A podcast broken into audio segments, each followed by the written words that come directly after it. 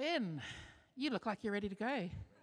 We are in our second last week of Revelation, and we've begun to see Jesus in all sorts of ways through unpacking what he's been speaking about through the apocalyptic literature. What have you got for us today? Is it on? Yeah. Should be on. So, hold on to your seats because we're getting to through two more chapters about the goodness of God and judgment, right? And Yep. you were saying to me earlier that this was pretty important week for you. Yeah, yeah, I got something out of this one. Yeah. So, Did we get that on the camera? Lord, as we open your word today, just bless Ben that um, all the words of life that you've given him would just come and land in our hearts. And Lord, that our minds would be ready to receive, but also that our hearts would be ready to act. In Jesus' name. Amen. amen. Looks like the thing's not presenting correctly.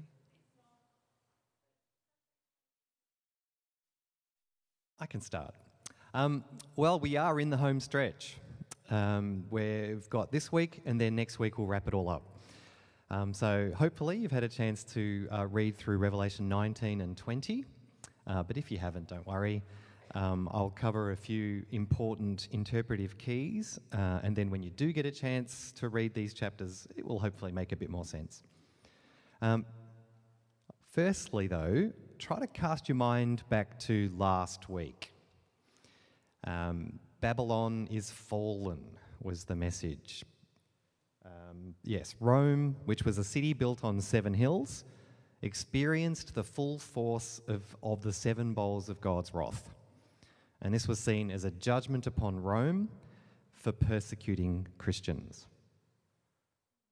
Should technically be on the third slide by now, but. Uh, yeah. Um, am I still going to be able to click?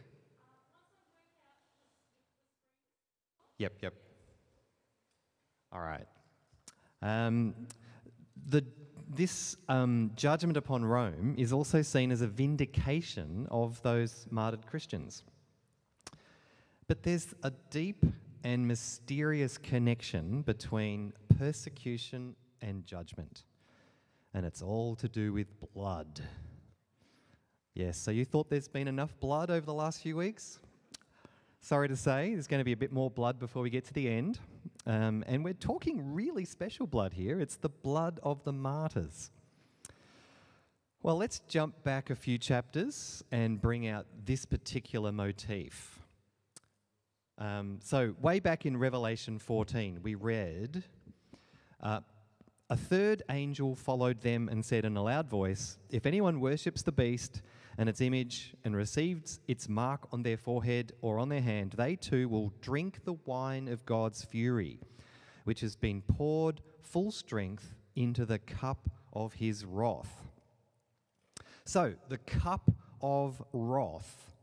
Um, it's an Old Testament metaphor for judgment. Uh, we read about it in um, a few places in the Old Testament. We're not quite there yet. Um, the page this, which has Jeremiah 25 is where I would like to be. Um, this is a quote from Jeremiah.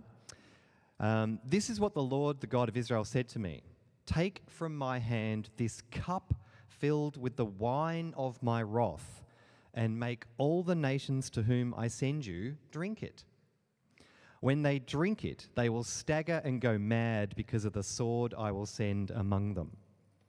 So, the cup of the wine of God's wrath. Why is this judgment necessary in Revelation? Why is this judgment re- necessary? Well, John goes on to talk about two reapings.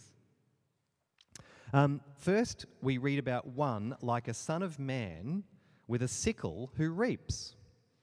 So, this from Revelation 14. I looked, and there before me was a white cloud, and seated on the cloud was one like a son of man with a crown of gold on his head and a sharp sickle in his hand. Um, then another angel came out of the temple and called in a loud voice to him who was sitting on the cloud Take your sickle and reap, because the time to reap has come, for the harvest of the earth is ripe. So he who was seated on the cloud swung his sickle over the earth, and the earth was harvested. Well, the details in this text suggest that the one with the sickle is Jesus. one like the Son of Man, sitting on a cloud, crown of gold, all references to Jesus. But so, what is this harvest? Well, I would suggest that this passage is picking up something from the Gospels when Jesus refers to the harvest of people through mission. Um, Matthew 9, then he said to his disciples, The harvest is plentiful, but the workers are few, etc. And then there's another uh, similar verse in John 4. So this is not a harvest involving any blood.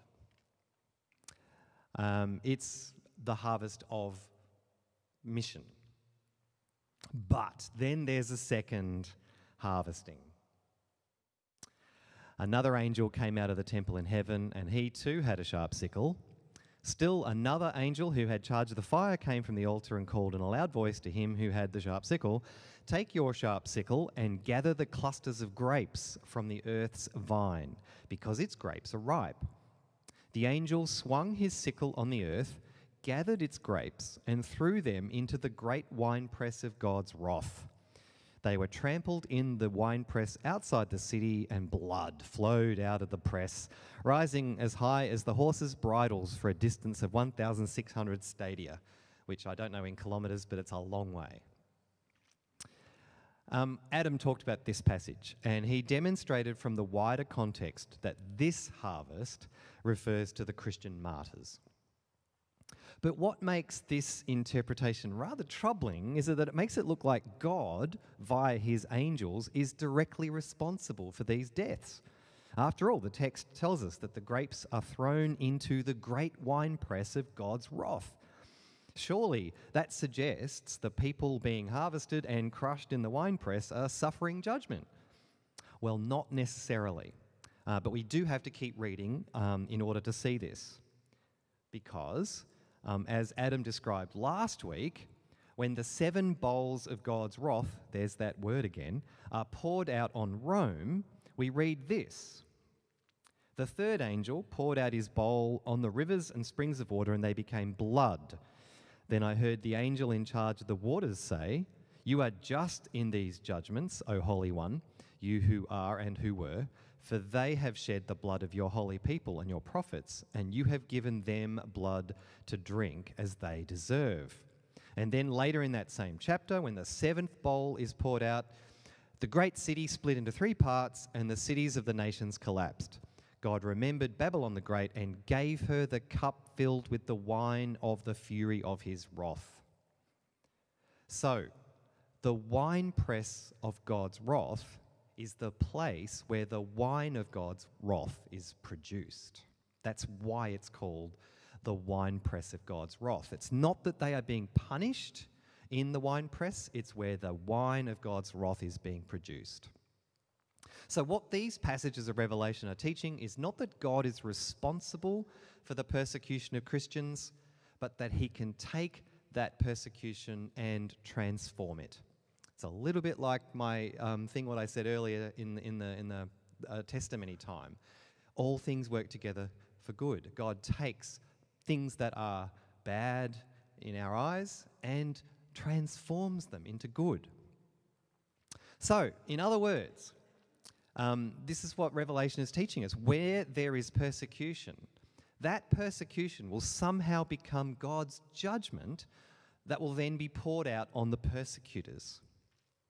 And if you were to read through Revelation 17, 18, and 19, which is, of course, the first of today's chapters, we see this same thing about the blood.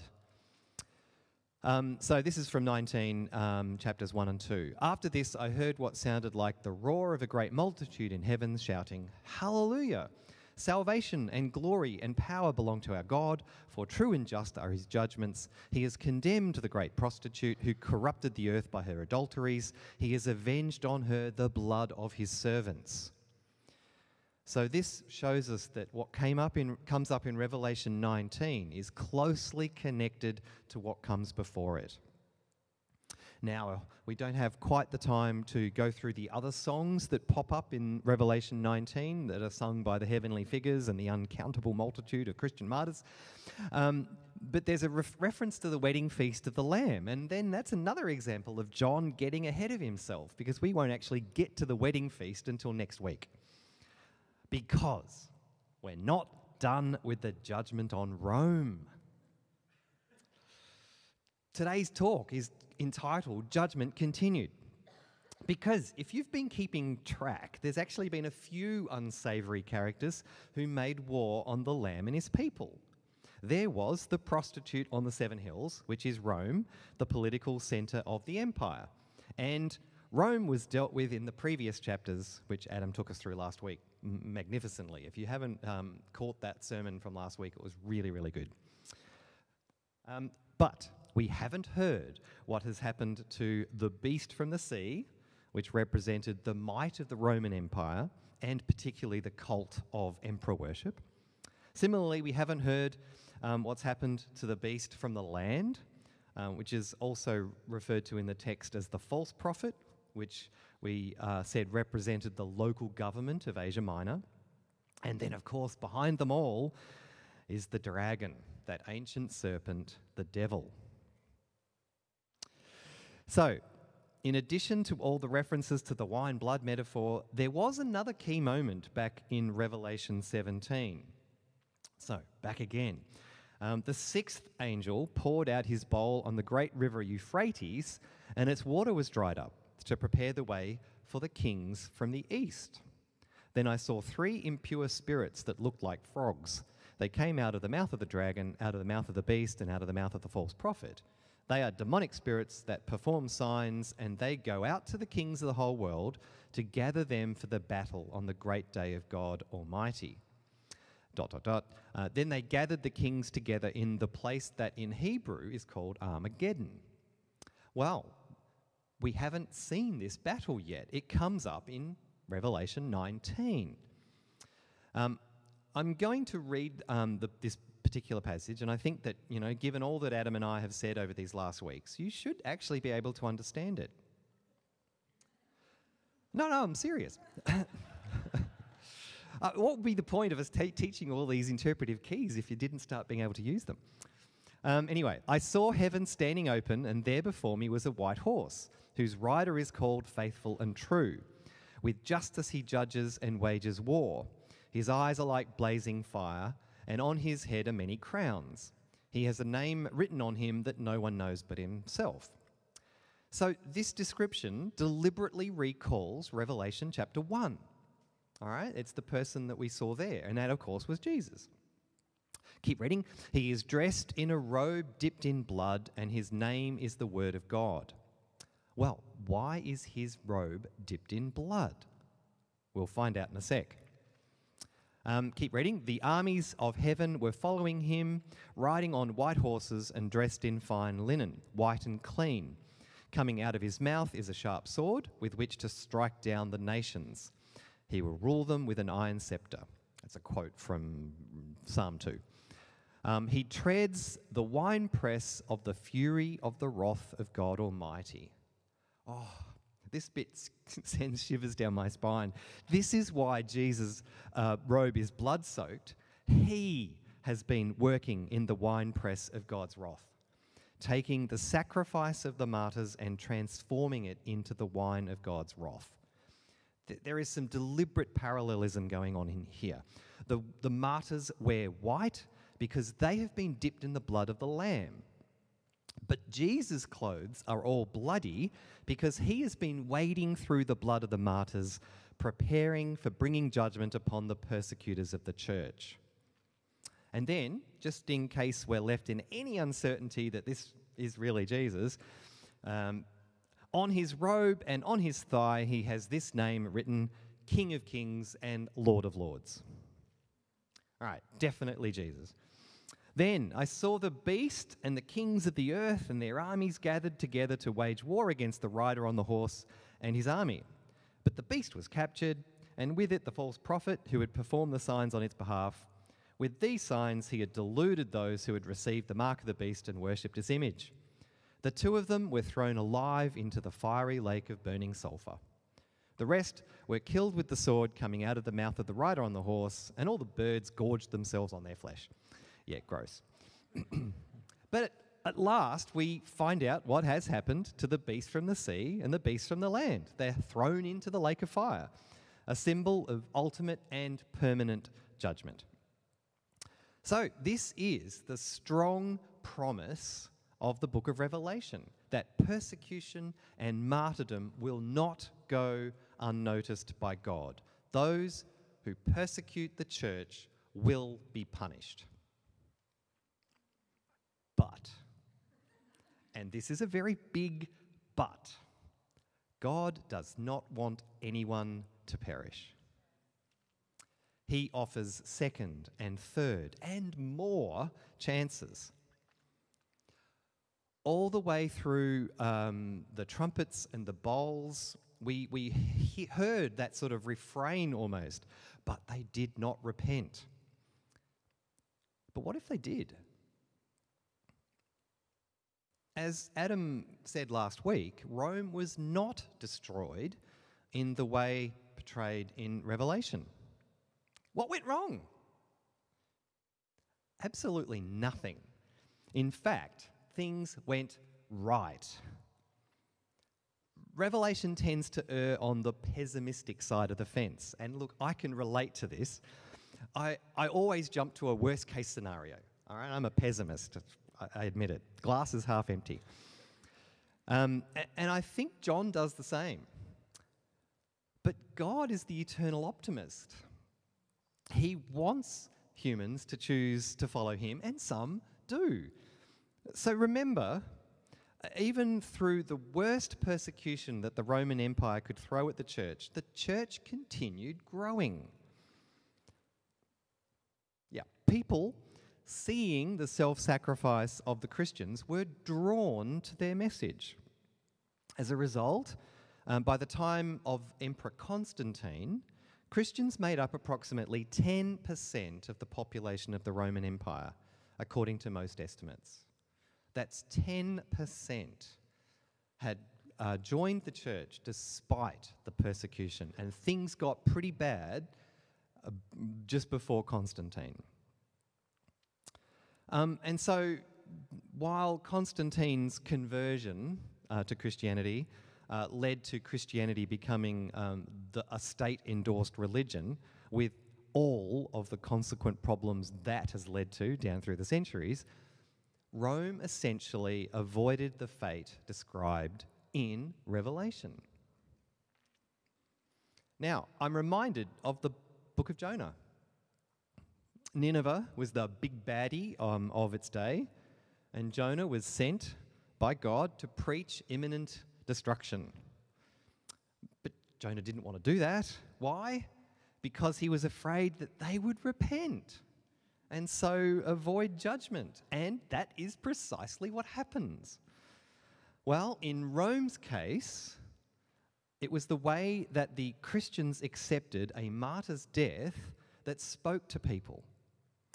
This is why Tertullian, one of the early church fathers of the second century, could say that the blood of the martyrs is the seed of the church. Here's the passage um, in full, or at least a bit of it. We are not a new philosophy, but a divine revelation. That's why you can't just exterminate us. The more you kill, the more we are. The blood of the martyrs is the seed of the church.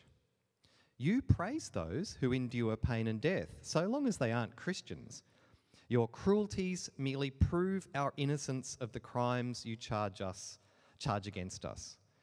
And you frustrate your purpose because those who see us die wonder why we do. For we die like the men you revere, not like slaves or criminals. And when they find out, they join us. All right, so that accounts for the woman and the two beasts. Tick, tick. What about the dragon? Well, we need to actually move into Revelation 20. We are making progress. I know I've been going back a bit, um, but this book is really, really dense and it really um, is complicated to see the threads running through it. Anyway, chapter 20, the 1,000 years. Um, so, let me read. And I saw an angel coming down out of heaven, having the key to the abyss, and holding in his hand a great chain. He seized the dragon, that ancient serpent who is the devil or Satan, and bound him for a thousand years. He threw him into the abyss and locked and sealed it over him to keep him from deceiving the nations anymore until the thousand years were ended. After that, he must be set free for a short time. I saw thrones on which were seated those who had been given authority to judge. And I saw the souls of those who had been beheaded because of their t- testimony about Jesus and because of the word of God. They had not worshipped the beast or its image and had not received its mark on their foreheads or their hands. They came to life and reigned with Christ a thousand years. The rest of the dead did not come to life until a thousand years were ended. This is the first resurrection. Blessed and holy are those who share in the first resurrection. The second death has no power over them, but they will be priests of God and of Christ and will reign with him for a thousand years. All right, this is the millennium, a period of 1,000 years that is notoriously difficult to interpret. Um, how you approach uh, this passage has become a convenient way of defining your interpretive approach to the book of Revelation as a whole. Um, you may have heard us uh, talking about premillennial dispensationalism, um, as seen in Hal Lindsey's Late Great Planet Earth and the Left Behind series.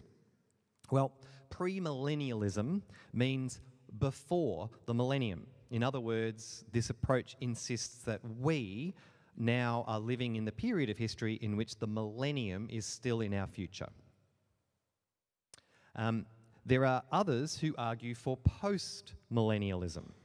That is, that we are now in a period of history after the millennium, that that 1,000 year thing has already happened. That's not very common these days.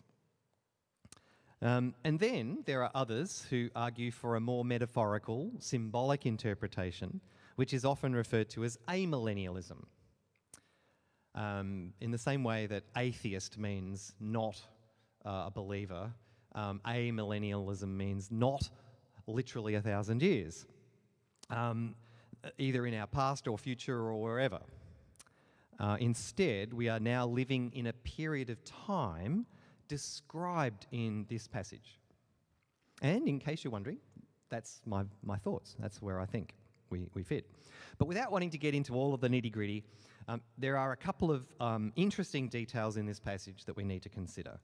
First, Satan has been limited for a reason to keep him from deceiving the nations. So, at the moment now, we, we can clearly see evil at work in the world. Um, but during this time, now, our time, um, the Great Commission still applies. Uh, we are to go out into the world preaching the gospel to all nations. And while the Satan clearly has an influence in the world at the present time, there will be those from all nations who respond to the message of the church. Actually, Revelation promises this uh, when it's constantly referring to those from every tribe, language, and nation being part of the uncounted multitude of Christians. That's a great promise. Revelation promises that people from every tribe, language, and nation will become part of the church. Um, and that shows that Satan has been limited. He cannot blind everybody.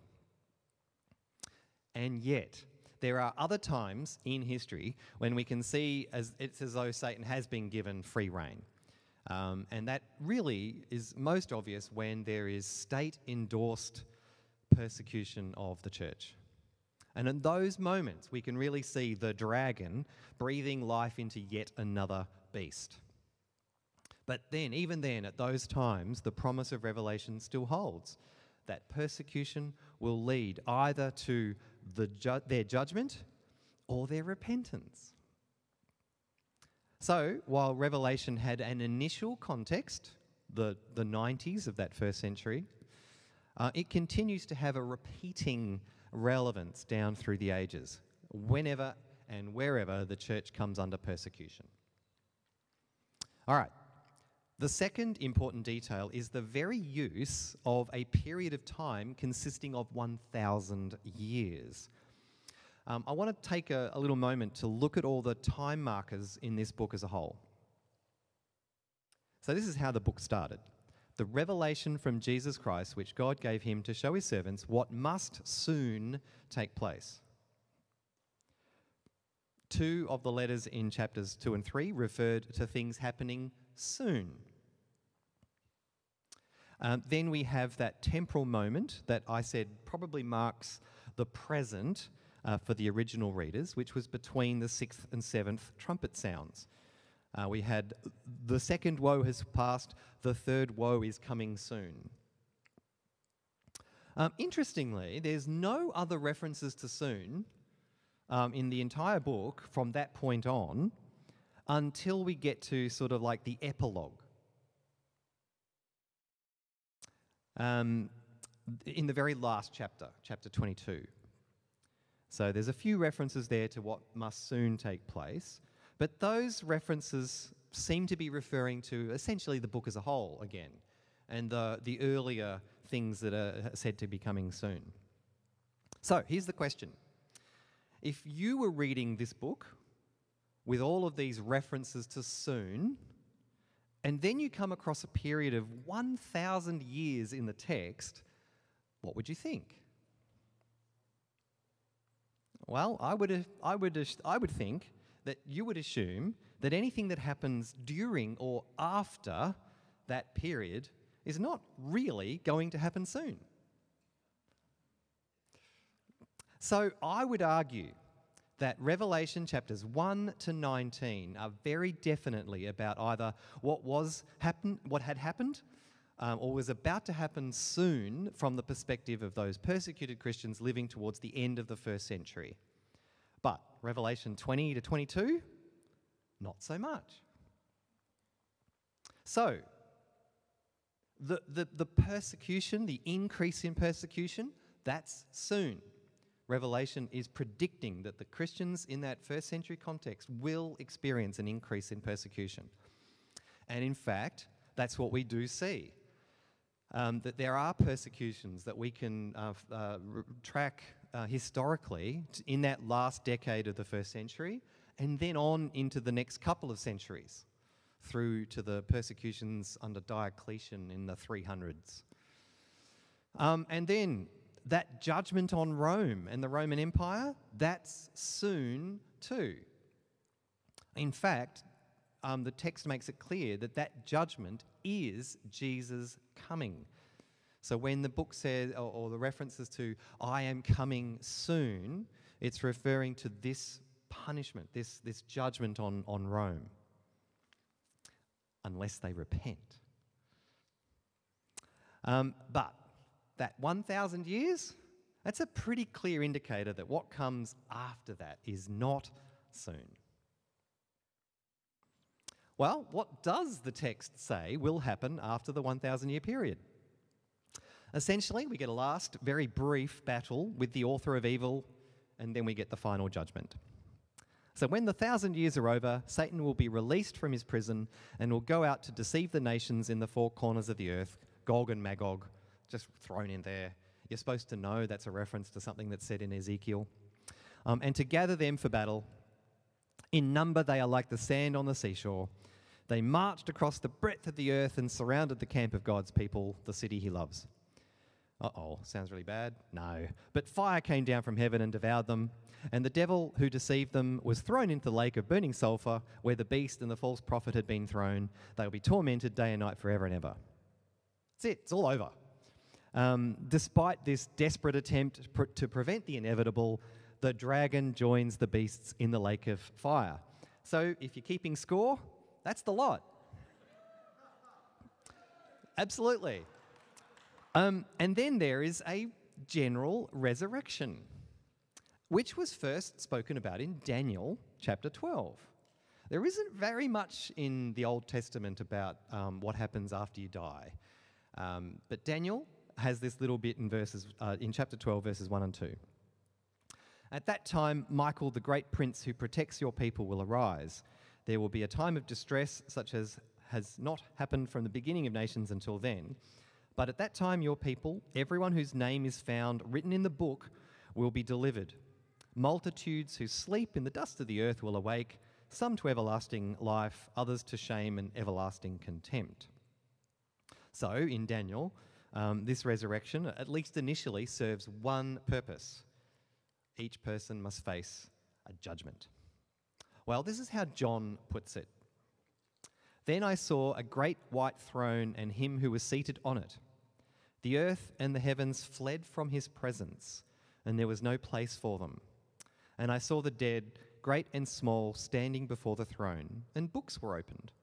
Another book was opened, which is the book of life. The dead were judged according to what they had done, as recorded in the books. The sea gave up the dead that were in it, and death and Hades gave up the dead that were in them, and each person was judged according to what they had done. Then death and Hades were thrown into the lake of fire. The lake of fire is the second death. Anyone whose name was not found written in the book of life was thrown into the lake of fire. Um, it's actually interesting to compare this to uh, 1 Corinthians 15.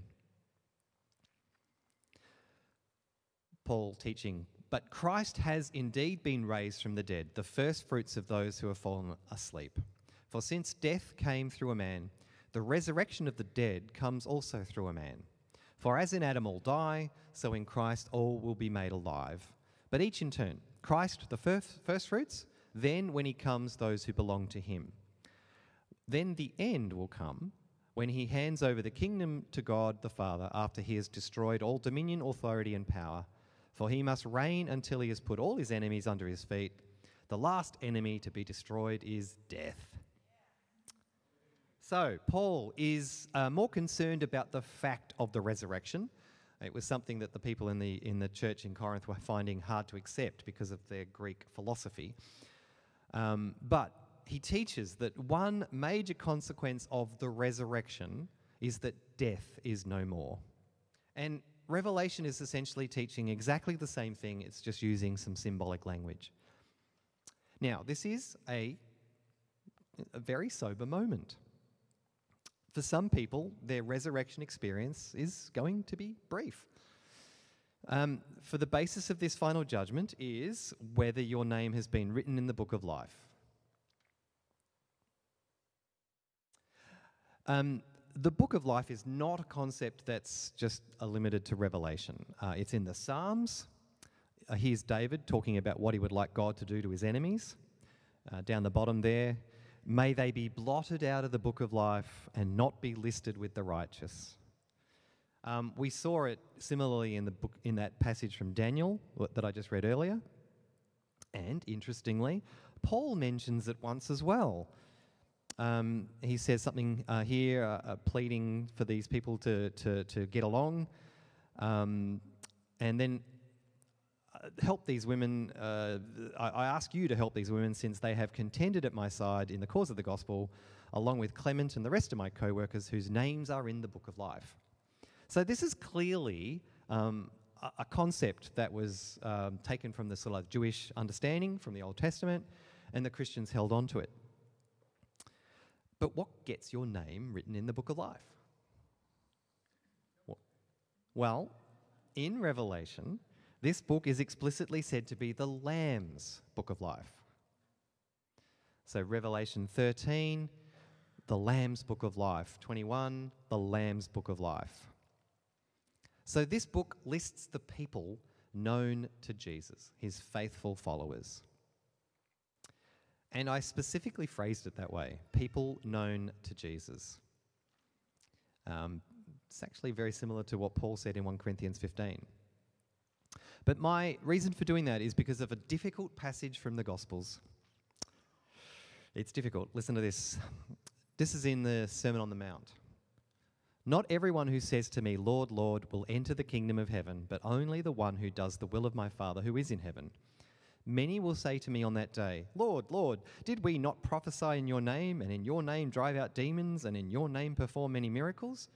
Then I will tell them plainly, I never knew you. Away from me, you evildoers. Uh, similarly, Paul in 2 Timothy says, uh, Nevertheless, God's solid foundation stands firm, sealed with this inscription The Lord knows those who are his. I think we can get a bit caught up worrying about who's in and who, who isn't. But God knows the heart, and He will judge everyone justly. Uh, personally, I, I, find it strangely encouraging to think that it's not something I have to do uh, that gets my name written into the Lamb's Book of Life. It's about my relationship with God. Well, what happens to those whose names are in the Book of Life? You'll have to come back next week. Either that, or you can read chapters 21 and 22 before then. All right, I've gone through a lot today, so um, here are some potential uh, questions for uh, some discussions. So we can break up into little groups. I'll circulate around if you've got any specific questions. Um, but here are some, some ideas that you can talk about. So, when I said God does not want anyone to perish, the question does repentance cancel judgment? What does that mean? Particularly for those that have suffered that persecution and then your persecutors repent? Hmm. Um, how do you think those 1,000 years should be interpreted? If you want a really uh, difficult discussion, uh, tackle that one. Um, and then this idea about the Lord knows those who are His. How does this relate to the book of life? Um, again, nice, juicy one to discuss. All right, so for the next five or so minutes, depending on how deeply we get into this, um, I, as I said, I'll circulate around. Uh, if you've got any particular questions or you want to um, ask me something specific, we can do that. And then in about that five to ten minutes' time, we'll, we'll, we'll do a, an official wrap up. All right.